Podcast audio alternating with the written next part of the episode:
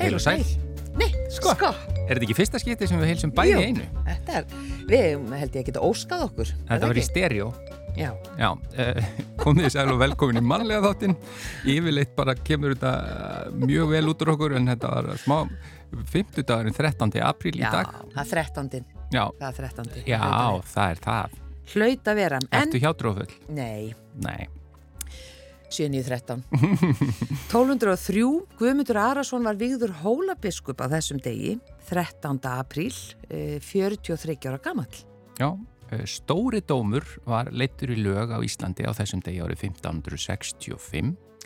Jón Sigursson var kosin á þing með 50 atkvæðum af 52, hann var oft þingfossetti og satt á þingi til 1879. Þetta var sem sagt 1844 sem hann var kosin á þing.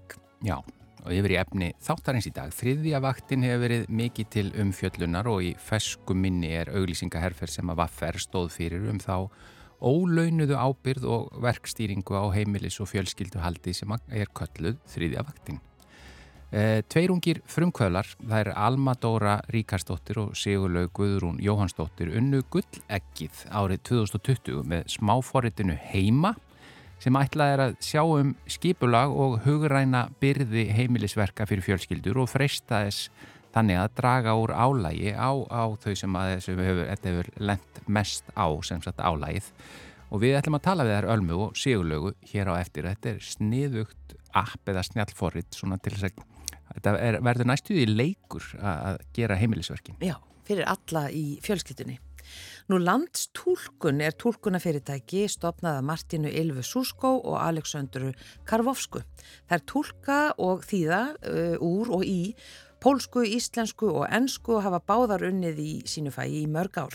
Landstúlkun er með rammasamning við ríkiskaup fyrir túlka og þýðinga þjónustu og sinnir þjónustu hins ofinbera og við ætlum að forvitnast um þau verkefni sem þær taka að sér og þau eru víða og þau eru e, mikilvæg og þær koma hérna á eftir að segja eitthvað nánu frá. Já, eh, við ætlum að byrja tónlist eins og eh, alltaf. Þetta er Bjarni Arason að syngja lag Hilmars Oddssonar Allur lurkum lamin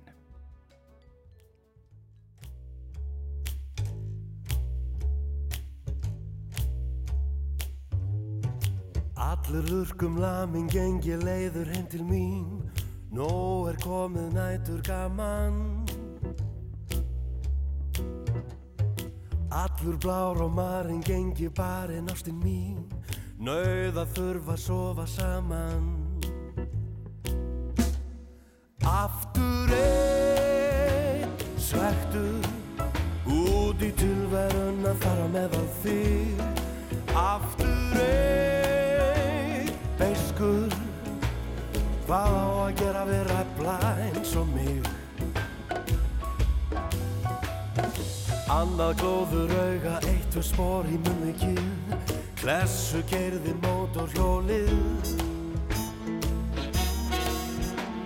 Eina vítari við, eitt tvö högg á nefbrótinn Alltaf sama vandamálið. Aftur einn sveftur Út í tilverun að fara með á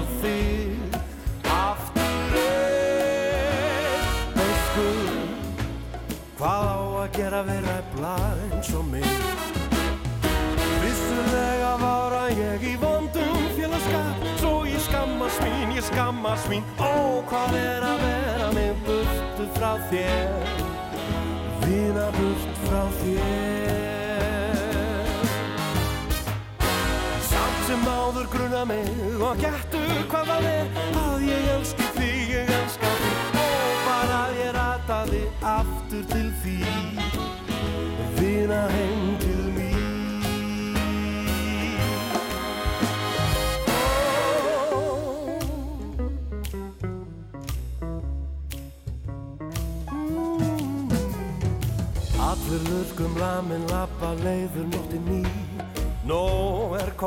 nætur gaman. Bældur, deyfður, barinn, spældur, blöytur, sparka í. Ég spilni við því öllu saman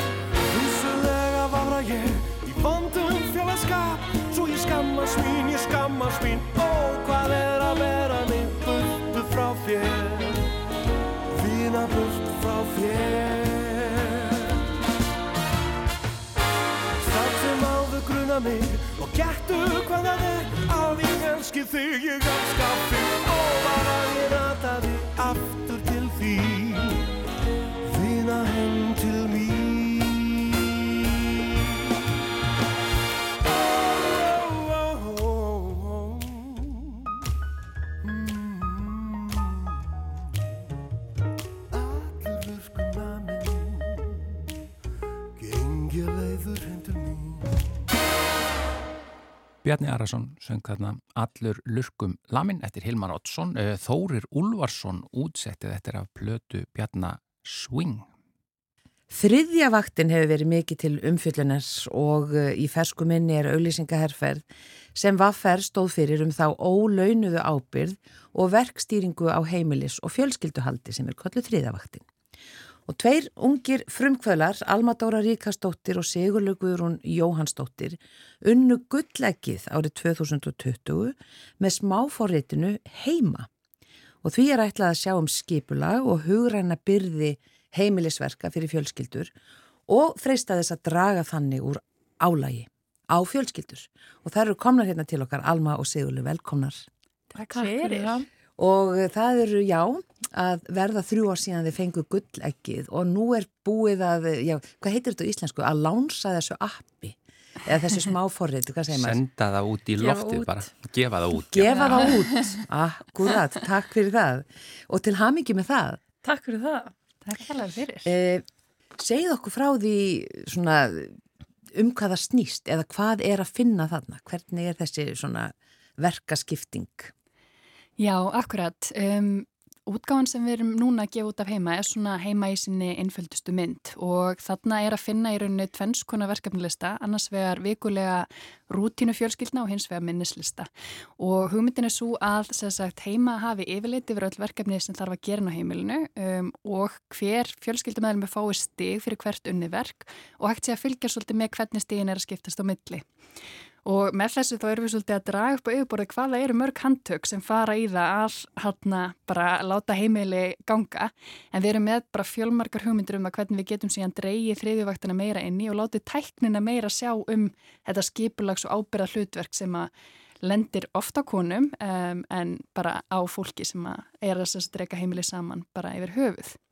Þannig að appi í rauninni svolítið stígur inn á þriðjuvaktina í rauninni um, og svona gefur fjölskyldum tækifæri til að meta hvað annað fólk innan fjölskyldunar er að gera verleikum og, hana, og drefur svolítið inn á sjónuspili allt sem er að gerast inn á heimilinu. Já.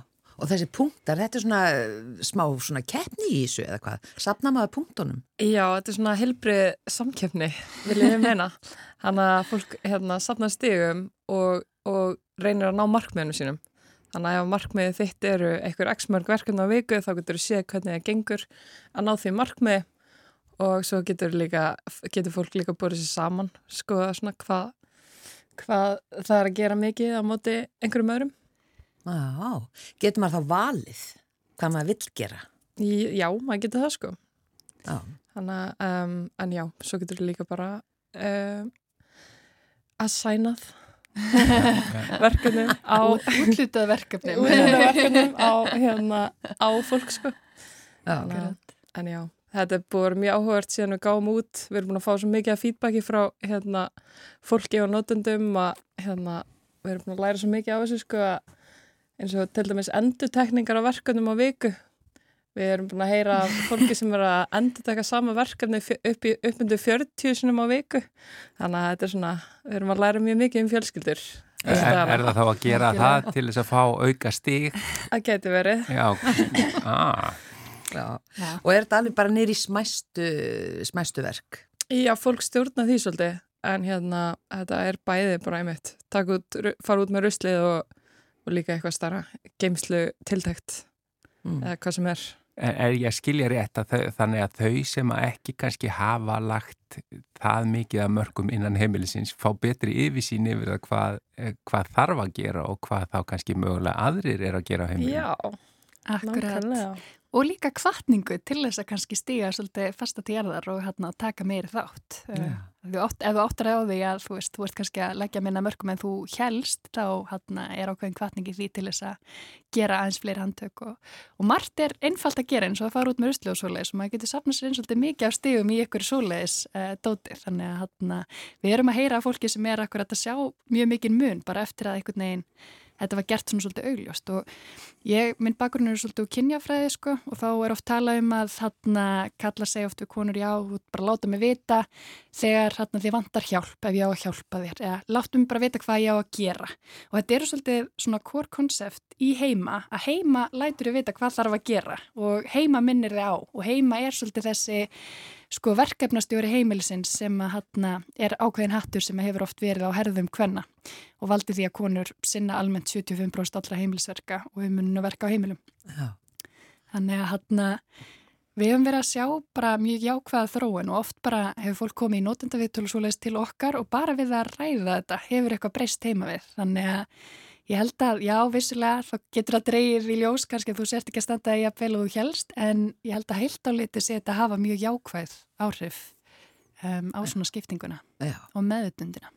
Ekki spurning, eh, svona í þessum samtölum eitthvað við, við hérna notendur og við þróun þessa apps, eh, hefur mikið svona bæst við eitthvað sem ykkur kannski yfirsást, svona einhver verk, eitthvað ósýnilegt kannski? Um, sko, nei, eiginlega ekki, sko. Við viss, við vorum með mjög miklar hugmyndum um það hvað við heldum að fólk vildi og við, við erum ekki búin að útfæra nærði allt af því en það var bara mjög gaman út af að við viljum ekki gera neitt nema við vitum að fólk vilja, skilji. Þannig að það var gott að fá nótundu til að segja okkur hvað þeir vilja og eftir sem fleiri segja okkur hvað veist, þau vilja, þá getum við svolítið forgangsa því sem við ætlum að gera næst. Þannig að um, það er mjög mikið af uh, óskum um hinn og þennan featurein sem við erum mjög spenntar að útfæra. En hérna, en, hérna það, það verður gert í svona forgangsröð út frá því hvað notendur vilja. Já, og þið mm. sjáuð ekkert svona hvað er vinsalast. Það er þeim sem eru að nota þetta hvað er vinsalasta húsverkið eða heimilisverkið og sko, hvað er kannski óvinsalast Nei, við, hérna, við trökkum ekki bara vegna hérna, persónuvendar sjónum við að þá getum við ekki vita hva, hvaða verkefna eru sem fólk er að setja hann inn. En hérna það væri mjög for, forveitnilegt að vita sko. Já, en, en við erum ekki að trakka það. Nei, en getur lagt spurningarlista fyrir, fyrir notendur, má það? Já, já, já, já. valkvað hérna sörun En já, þú sagði að þinn bakgrunnur væri í kynjafræðinni, svona hver er þinn bakgrunnur og af hverju hittist þið til þess að gera þetta? Já, skemmtilega að sagða segja fyrir því.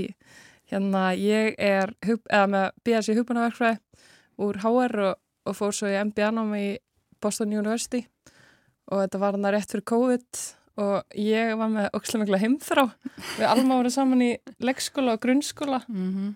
og hérna mentaskóla hlut til Fyrsta árið. Fyrsta árið. og hérna, og ég var með einhverja heimþrá að sé að Alma er í Boston, við erum ekki um að hittast í svona cirka tíu ár þá og hérna hittast í bjór og, fyrir maður svona tala um samæla frumkvöladrauma og hérna, svo, þú veist, er þetta bara eitt bjór og COVID kemur og fl við flytum báðar heim mm -hmm. og þá kemur Alma með þessa hugmyndum heima cirka svona tæpi árið sinna og við tökum þátt í gullleginu með bara svona hugmynd á bladi og ekkert meira Þannig að... Og unnum það. Þannig að... Þannig að það er í rauninu bara þær hugmyndin að verkefni sem vinnu velunin og svo þarf að fara í gang já. að búa það til. Það er nefnilega málið, sko. Já, og það tekur langan það, tíma. Algjörlega. Þannig að við, þú veist, við vorum ekki kona með neitt nema bara eitthvað hugmyndablað í gullleginu, sko, sem að við þurftum svo að þróa mm -hmm. og í rauninu vorum við í rúmt ára að safna styrkjum til þess að við getum hætti vinnunum okkar og farið fulltæmi heima. Mm -hmm. Þannig að við í rauninni byrjum að þróa appið fyrir um árið síðan. Já, þegar við byrjum að vinna bara í fullustarfi hjá heima. Já. En fyrir það þá vorum við akkurat, við tókum þátt til mis í hérna herrferðinni með vaffer um þriðuvaktina mm. og hérna vorum svona akkurat að taka nótunda við töl og gera kannanir og annað og reyna að koma staði í svona hver þessi grunnur væri vegna þess að það eru til forrið sem eru svona verkefnilistar fyrir fjölskyldur en þeir hafa ekki verið að virka og þeir sem hafa komið og talað við okkur eru ekki að nota þessar lausnir þannig að við vonum svolítið að reyna að koma staði af hverju það væri og hvaða væri sem vantaði upp á til þess að hægt væri að nota bara svona verkefnastjórnuna hugbúnað inn á heimilunum eins og við gerum á vinnustöðunum til dæmis. Þannig að hérna, þetta var svolítið stort verkefni að komast að þessu og síðan þarf þetta náttúrulega að vera ótrúlega einfalt. Það er ekki hægt að byggja einhverja svaka flúkna laust sem enginn skilur og enginn getur nota heima hjá sér. Þannig að við erum svolítið búin að vera að vinna í þessu, að finna svona þennan samlefnara sem getur uh, leist vandamál fjölskyldna en á mjög einfaldan og skemmtilegan máta þar sem að fjölskyldunar eru líklega til þess að taka þátt og börnin eru líklega til þess að taka þátt og, og svoleiðis. Og við teljum okkur að fundi svolítið gott, eða svolítið góðan grunn til þess að byggja og, hérna, og fólk er að taka virkilega vel í það sem við erum að gefa út núna uh, og bara viðbröðin að fara vonum framar og við erum búin að vera bara hérna tróna á toppnum á App Store og Play Store og þetta er búin að vera bara ótrúlegt æfintir senstu tvær vikur síðan við í rauninni tilkynum að fyrsta útgáðan sé komin út. Vá, wow. og það stórt skrif að hætta í vinnunni og hella sér út í svona hugmynd. Mm -hmm. Þetta var svolítið, svolítið rosalegt haust hjá okkur. Lítið um tekjur, eða lítið um hérna mánaðalein til dæmis, mikið um kvöldverið hjá fólkdrum okkar og, og eins og við kallum þetta að lifa loftinu en hérna en bara gaman. Og hérna eftir, já við fengum fjárfæstöku í byrjun árs og hérna um, já. Þannig að þið gáttu klárað þetta Já Já, akkurat Og þetta er bara fyrsta sæti, segir þau bara. Svona með því Já. sem trónir þar á tónum. Ég veit nú ekki hvernig það er í dag, sko, en það er búið að vera meir og minna í fyrsta sæti á App Stores. Wow. Eh, þannig að búið að vera svona vinsalast appið eh, og er bara steady á, í fyrsta sæti í hérna productivity um, flokknum sem er mm. okkar flokkur mm. þannig að við erum ótrúlega ánæðið með það og hérna og inboxu okkar er bara búið að flæða af sagt, bara endurgjöf frá fólki og fólki með hugmyndir og pælingar og allt og hérna og okkar tilfinninga bara svo að, að fólk standi svolítið hrétt við baki á okkur og, og langi til þess að sjá okkur eh, vinna þetta. Mm. En þegar ég segja toppnum, er það á toppnum á íslenska App Store e, eða er, er við að nota það, er þið með það á fleiri tungumálum eða? Sko, appið er rauninni aðgengilegt bæði á íslensku og á ennsku og Já. það er hægt að nota það í ákveðnum löndum en við höfum í rauninni bara gefið út formlega hérna á Íslandi þannig að ég held að 90 eitthvað prósent notenda séu á Íslandi eins og er.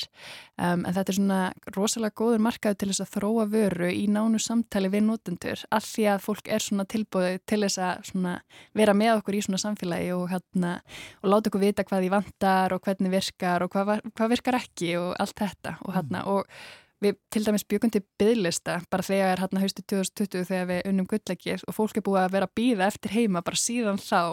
Og þegar við í rauninni sendum síðan post á þennan bygglista að appi sem komu þá gruna okkur ekki að það myndi bara koma flúðbylgja inn. Þannig að bara nokkru mínundum setna var serverin okkar búin að hérna overlótast og sila verið í háttegismat og þetta kalla hana inn á skrifstofuna aftur til þess að græja það því að það var bara svo ótrúlega mikið að Um, þannig að þetta einhvern veginn, já, við finnum mjög mikinn stuðning og, hana, og okkur finnst gott að vera svona að vinna í þessu hér en síðan er draumur náttúrulega að fara, eða planið að fara með það til Norðurlandana sem allra fyrst og síðan bara víðar um heim. Já. Þetta er, sko, ég náði í það bara hérna áðan. Var, og þetta er mjög skýrst það er bara skref fyrir skref hvernig maður getur komið fyrir, já ég er rétt að byrja sko. Þannig að þú ert búin að vera byrja eftir þessu líka? Já, ég minna, eh, sko eh, það er akkurat það sem ég hugsa. Þetta þetta á bara við allstaðar að því það eiga allir heimili mm. og, og það er fólk eh, og það er misjöfn verkarskiptingin á heimilunum og ég held að það sé mjög gott fyrir marga og ég hugsa til, til dæmis tvekja úlinga að það væri ágætt að þau, það er fengju yfir sín yfir hvað er að gerast á heimilinu og hver, hver er að sinna því. Bönnin er ánum þetta líka sko. Já. Ég hef hérna, heit mesta rós sem ég hef séð er hérna frá dóttur vinnar minns sem að sagði að þetta væri mjög flott að sniða þetta app úrlengur, þannig að það er mjög gott sko. Já, það er ekki allt sem að við fullotna fólki gerum sem að sem þeim fyrir eitthvað cool sko. Nei, nákvæmlega sko. Heldur þetta ekki. Nei, og svo er þetta bara, já, er þetta ekki bara einhver mesta tókstreita inn á heimilum, það er svona einhver tókstreita um hver á að gera hvað?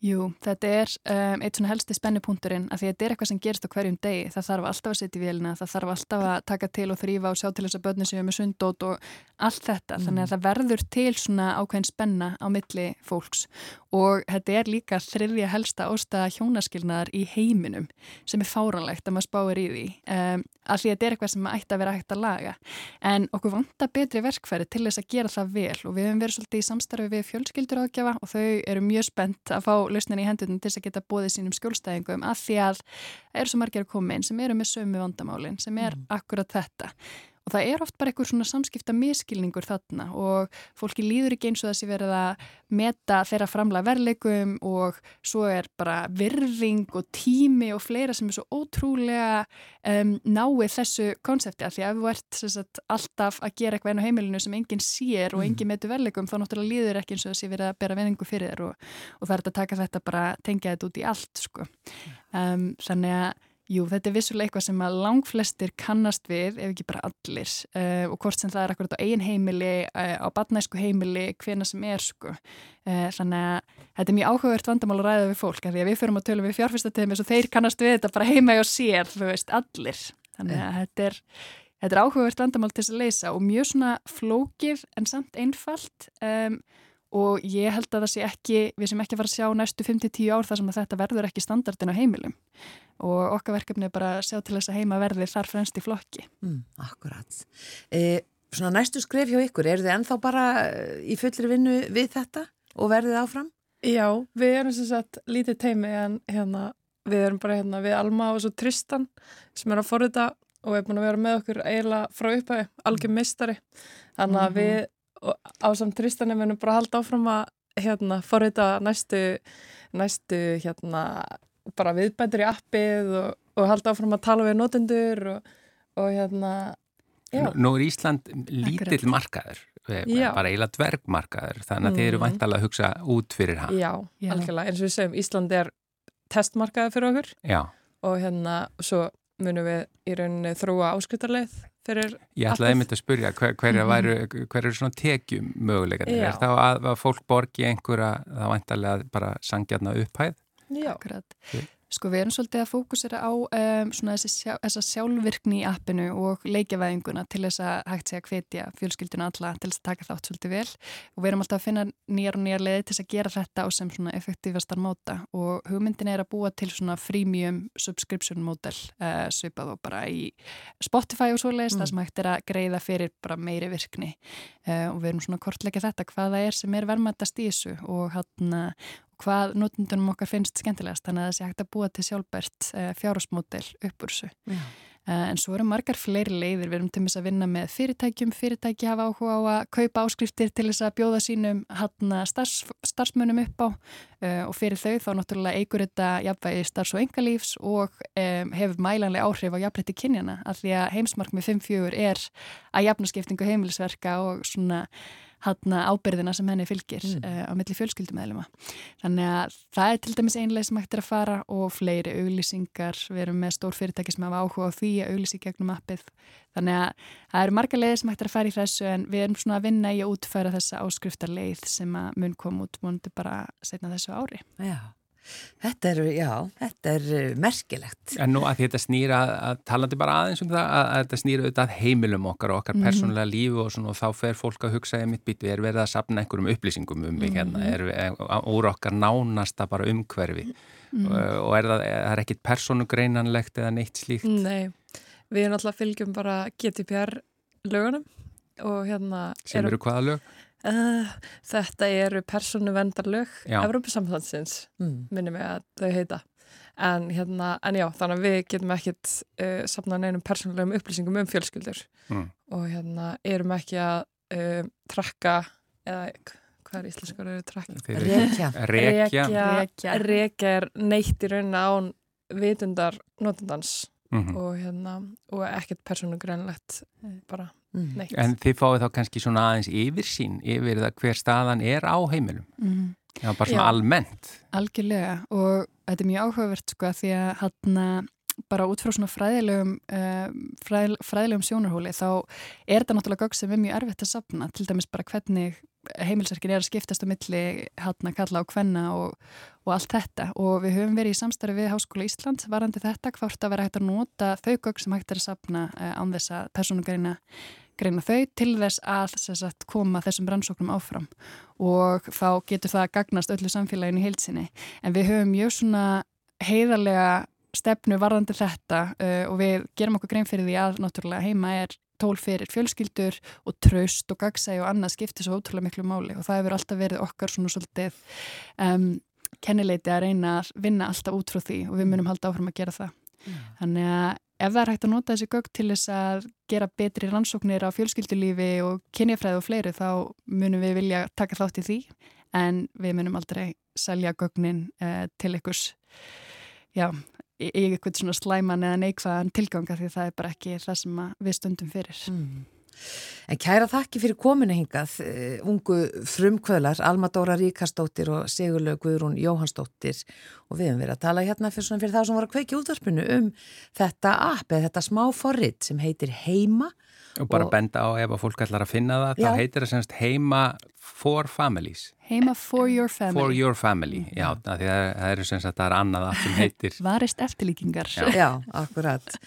Og, og, hérna, og þetta hjálpa til eins og við hefum verið að tala um, bara svona utanum hald uh, heimilis og fjölskyldu, svona þessa, já bara eins og vaffer hérna auglistiða, þessi ólaunaða ábyrð og verkstýring sem hefur verið kolluð þriðavaktinn. Mm. Bara kæra þakkir fyrir komuna og gangi ykkur vel. Takk, Takk fyrir okkur.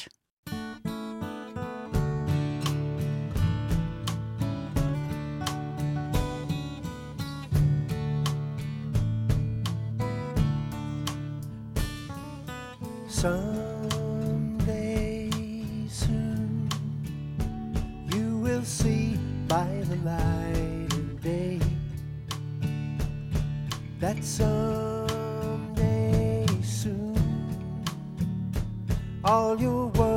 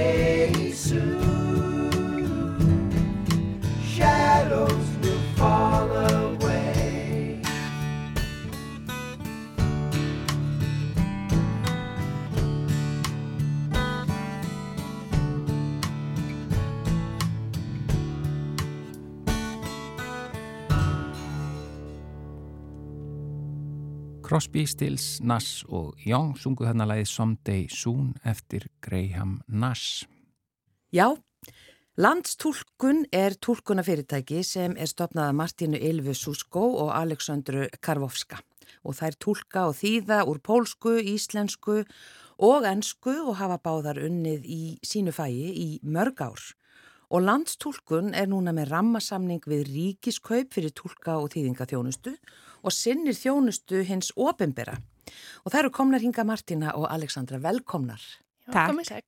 Takk. E, aðeins kannski í upphæfi, hvað, hvað þýðir það að vera með uh, svona fyrirtæki sem heitir bara landstúlkun og hvað eru þið mörg? Við erum bara tvær í þessu. Eins aðstóðó, þá erum við bara tvær Já. og það fyrir að við erum svona tengilífir milli polsk, sérstaklega polsk og ensk samfélagis hérna á Íslandi og það fyrir að við erum svona, við erum að fara uh, með fólki til dæmis á spítala, skóla, allt mögulega sem þú getur hugsað sér, alltaf námskeifir, rástefnur, við höfum gert það allt. Já, nákvæmlega. Alltaf, og við erum sem sagt millileið, uh, millilagni og uh, skjólstæðings Mm. sem Mm. talar palabólsku, ekki íslensku. Já. Já. Er það stærsti hlutin af ykkar starfi að vera svona í heilbríðiskerfinu? Nei, við höfum starfað allstaðar. Við, Við gerum allstað. við höfum dulkað hérna í árúf sem sagt, á almannavarnafundi. Við erum rosa stoltar af þessu verkefni. Já, Já. við höfum mitt kynst far, Já. ég og Alexander. Og þannig, stopp, þannig, þannig fætist, þessi hugmynd fætist hér á rúf sem sagt, að stopna okkar einn fyrirtæki og gera þetta sjálfar. Á almannavanna fundunum núna sem þetta í COVID. Já, nákvæmlega. Já, Við, höfum, við varum tólkað í beitni, rástefnum tólkun Já. og við varum alltaf tvær, ég og Alexandra, hverjum degi, næsti hverjum degi. já, já. Fyrst var þetta, var þetta oftar, svo, svo fór þetta að vera sjálda, sjaldnar. Sjaldan, svo tvísværi viku, svo einu sinni í viku. Já, við söknum þess sem sagt. Já, þið sagtu fundana. Já. Já, svo, Já. svo En ekki COVID samt. Nei, Nei, ekki akkurat, COVID. ekki við heldur. já. Já, akkurat. við erum svo glad að koma hérna aftur á rúf. Já. E, svona aðeins kannski að því þið nefndi þetta með að sko túlka milli lækna og sjúklings. E, það er mjög svona, mm, ég hlýtur að vera svolítið stressandi að því þarna þurfa allar upplýsingar og svona nákvæmar að koma fram. Já, þann, þanga kemur reynslan okkar og fyrst og fremst þagnaskylda. Allt sem kemur fram á svona vittali, í svona vittali, verður bara þar eftir. Við förum ekki með þetta heim, ekki út og ekki neitt svoleiðis. þetta er auðvitað viðkvæmar trúnaðar Já, nákvæmlega. Já. Þannig eh, við, meira segja, tölum ekki um þetta saman. Milli okkar, Já, milli okkar. Uh, um það sem kemur fram á þessum vittölum. Og já, svo annars sem skiptir mjög máli er til þess að koma í veg fyrir alveg að lagnis mistökum og það hefur gerst frekar oft fyrir mýfur að það var kom tólkur sem var ekki reyndur og tólkaði ekki rétt Já, og þá fyrir mýfur getur verið mjög slæma áleiðingar að svona, þess vegna skiptir svo miklu máli og það sem við landstólku stendum fyrir er gæfi Já. að tólka sér reyndir að við erum með reynslu, við erum með orfaforfa, því það sem fólk gleymi mjög ofta að vera góður í daglegu tali, Mm. því við erum alls ekki að mannskja sér tólkur. Nákvæmlega. já. Og það skiptir auðvitað máli eins og í- sem dæmi að skjólstæðingu kemur til læknis. Það skiptir máli í báðar áttir að Mhm. bæði læknirinn sé að fá réttar upplýsingar frá sjúklingnum Já. og tilbaka. Já, Já, Nákvæmlega. Og orðaforðin svo segir, hann skiptir máli þó að þú kannski getur tala góð íslensku. Svona, já.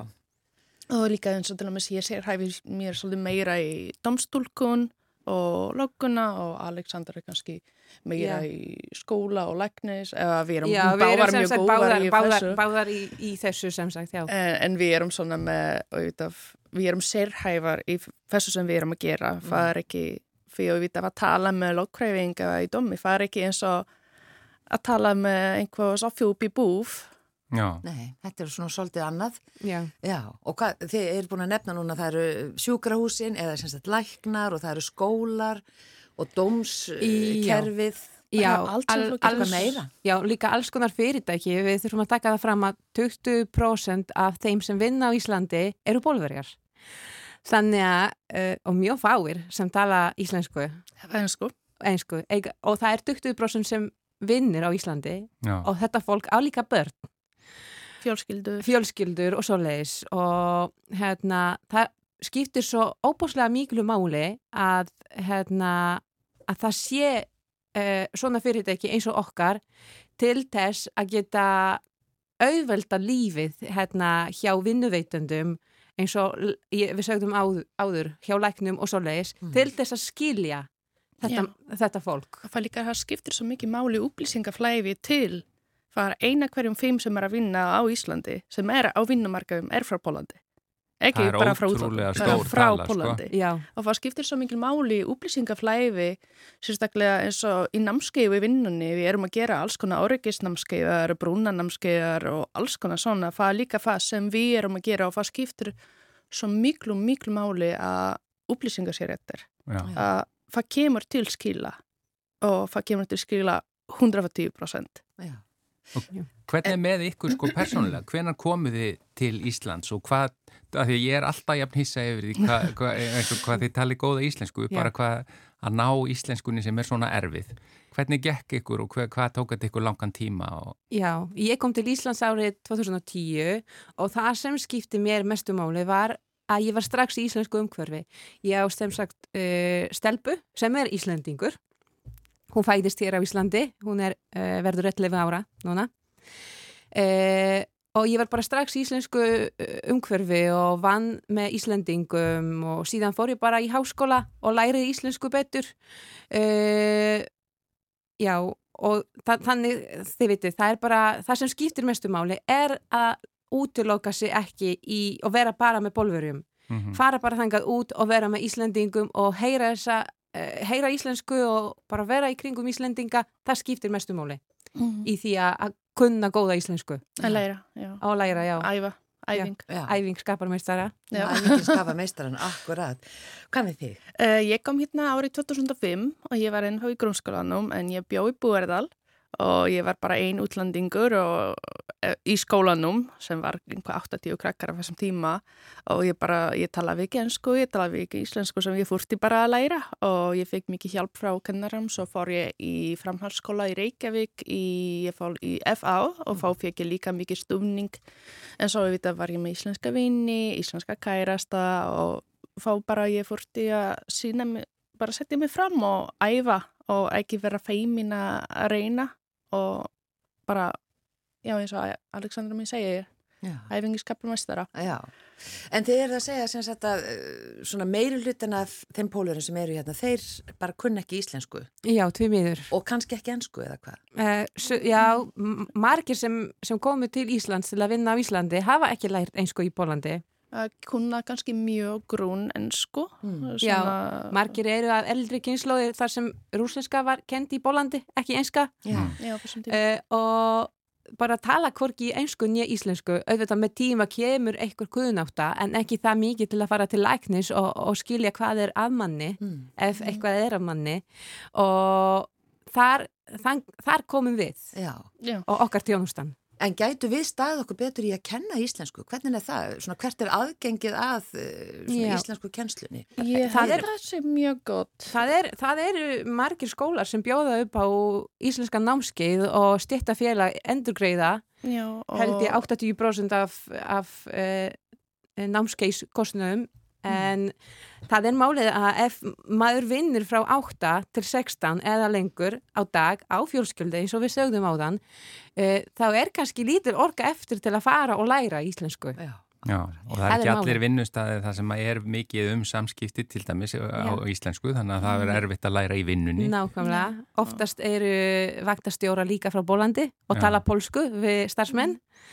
En hva, Þannig- hvað þýðir að vera með eh, hennan samning við ríkiskaup? Hvað, heitir rammasamningur? Já. Hva, hvað, hvað þýðir þetta Til- fyrir ykkur? til þess að geta unnið á ópenbjörnum stofnum uh, þá uh, þarf viðkomandi fyrirtæki sem sagt uh, tólka á ópenbjörnum stofnum þá þarf viðkomandi fyrirtæki vera með ramasamning hjá Ríkiskaup. Já. og þarf að vera við meðum ekki vinna á óbyrnbyrjum stofnum nema að vera komið í rammasamning. Já, þá eru þið með bara leifi í rauninni, Já, við erum með starfsleifi. já. Já. Og það er bara óheimilt að fá tólk, fá tólkafjónustu sem er ekki í rammasamning.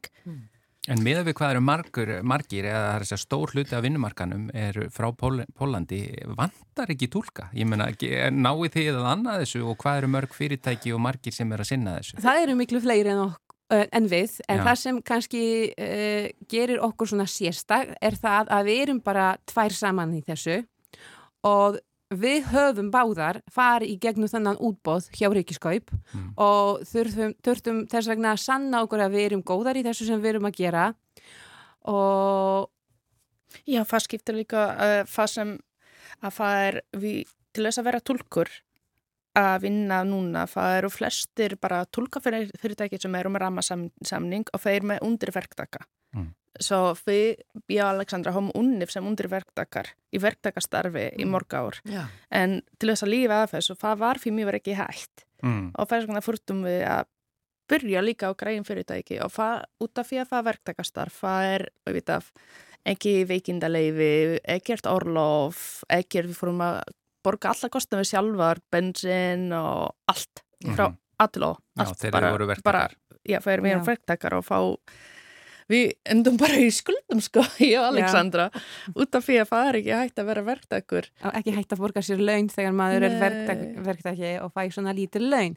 Þannig að við ákveðum bara að finna lausn Já. og við stopnum okkar einu fyrirtæki og ákveðum bara að fara í þennan útbóð báðar tvær. Já, en svo hjá vil Ríkiskaup. skjóla tilbaka á, uh, út af því að það er svo erfitt að lífa þessu. Mm Já. Það eru svo svakalega mikið starfsmannavelda. Já, og tólkafum fyrirtæki taka í rauninni fólk bara út af gott og bara, já, þú talar einhvað polsku og talar einhvað ennsku eða þú talar einhvað polsku og íslensku og fá bara, og það eru mikið að, segjum, tólkum mm. sem eru fyrir mjög ekki reyndir og reyndir tólka fúra að hætta Já. til þess að lífa af þessu. Já. já, Þess vegna er ekki reynsla og það er það sem við standum okkur á Íslandi mjög illa með. Að, Að, til þess að það reyndir tólkar eins og ég Alexandra eina leif til þess að við gætum lífa af þessu var að stopna okkur fyrirtæki. nákvæmlega. Já. annars fóð ég og Alexandra erum eina mestu reyndum tólkur hérna á Mhm. Íslandi, í Polsku Já. Og hefum starfað inn lengst og erum með svakalega mikið bara reynslu og allt það. Vi, við gáttum ekki lífið þessu Já.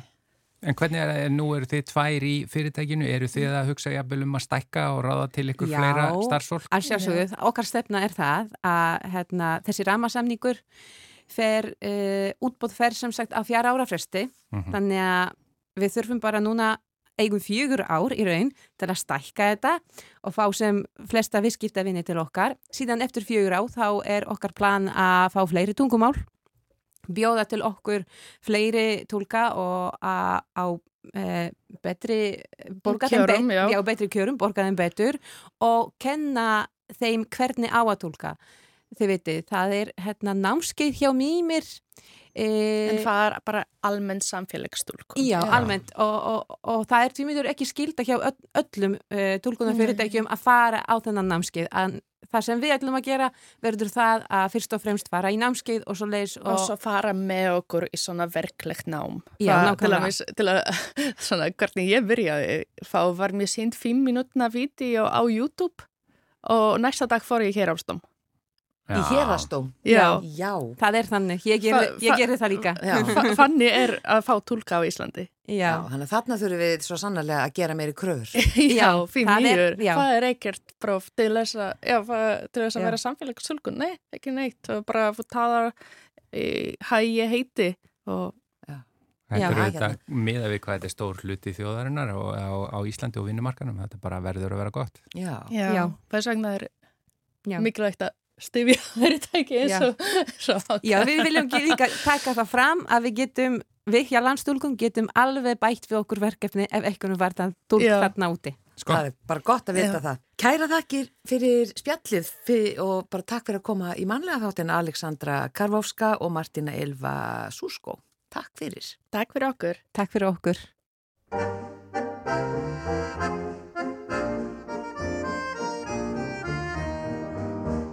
Sjómannslíf, sjómannslíf, draumun stjálfa manns, blikandi báru fanns, býður í trilltan dans. Sjómannslíf, sjómannslíf, ástir og æventýr, Fögnuð í fami býr, brimhjóð að vera gnýr Sipp og hói, sipp og hói Ferðbúið liggur flei Sipp og hói, sipp og hói Bóðanna ei Við stelpurnar segi ég ástarljú orð. Einn, tveir, þrýr korsar, svo stekk ég um borð. Sipp og hói, sipp og hói Mig segðir hinn svala dröf Sipp og hói, sipp og hói Og svo nýja í næstu höf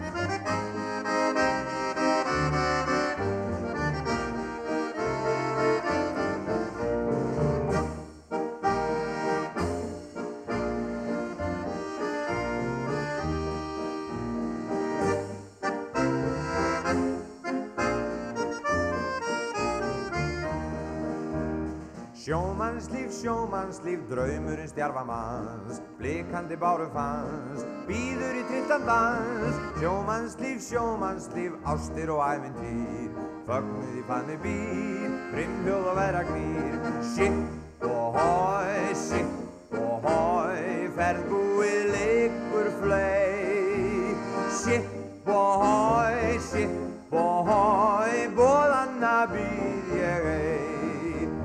stelpurnar segi ég ástarljú orð Einn, tveir, þrýr korsar, svo stekk ég um borð. Sipp og hói, sipp og hói Mig segðir hinn svala dröf Sipp og hói, sipp og hói Og svo nýja í næstu höf Sipp og hói, sipp og hói Mig segðir hinn svala dröf og svo nýja í næstu höf. Sipp og hói. Þetta var Ragnar Bjarnason. Uh, Lægið er eftir Otger Kristjánsson og textin er eftir Loft Guðmundsson. Og þetta er bara síðasta lagið okkar í dag. Á þessum fymtudegi, fymtudegi á morgun er uh, föstudagur og þá er föstudagsgesturinn okkar Jón Ólafsson. Já, Hann er á nú ekki- stóramali. Já, hann er að verða, hann er orðin 60 Já. en framöndan eru 60 stórtónleikar Já. og það er af nægu að taka getur við sagt, hann er komið svo víða við. Í tónlistinni byrjaði svo ungur árum. Já, þannig að við munum og það er bara, það verður ekkert erfitt að tala við Jón Ólafsson. Það er alveg ljóst. Getum alveg lofa eitthvað skemmtilegu spjalli þar. Já, en við þökkum innlega fyrir samfélgin í dag. Verðið sæl.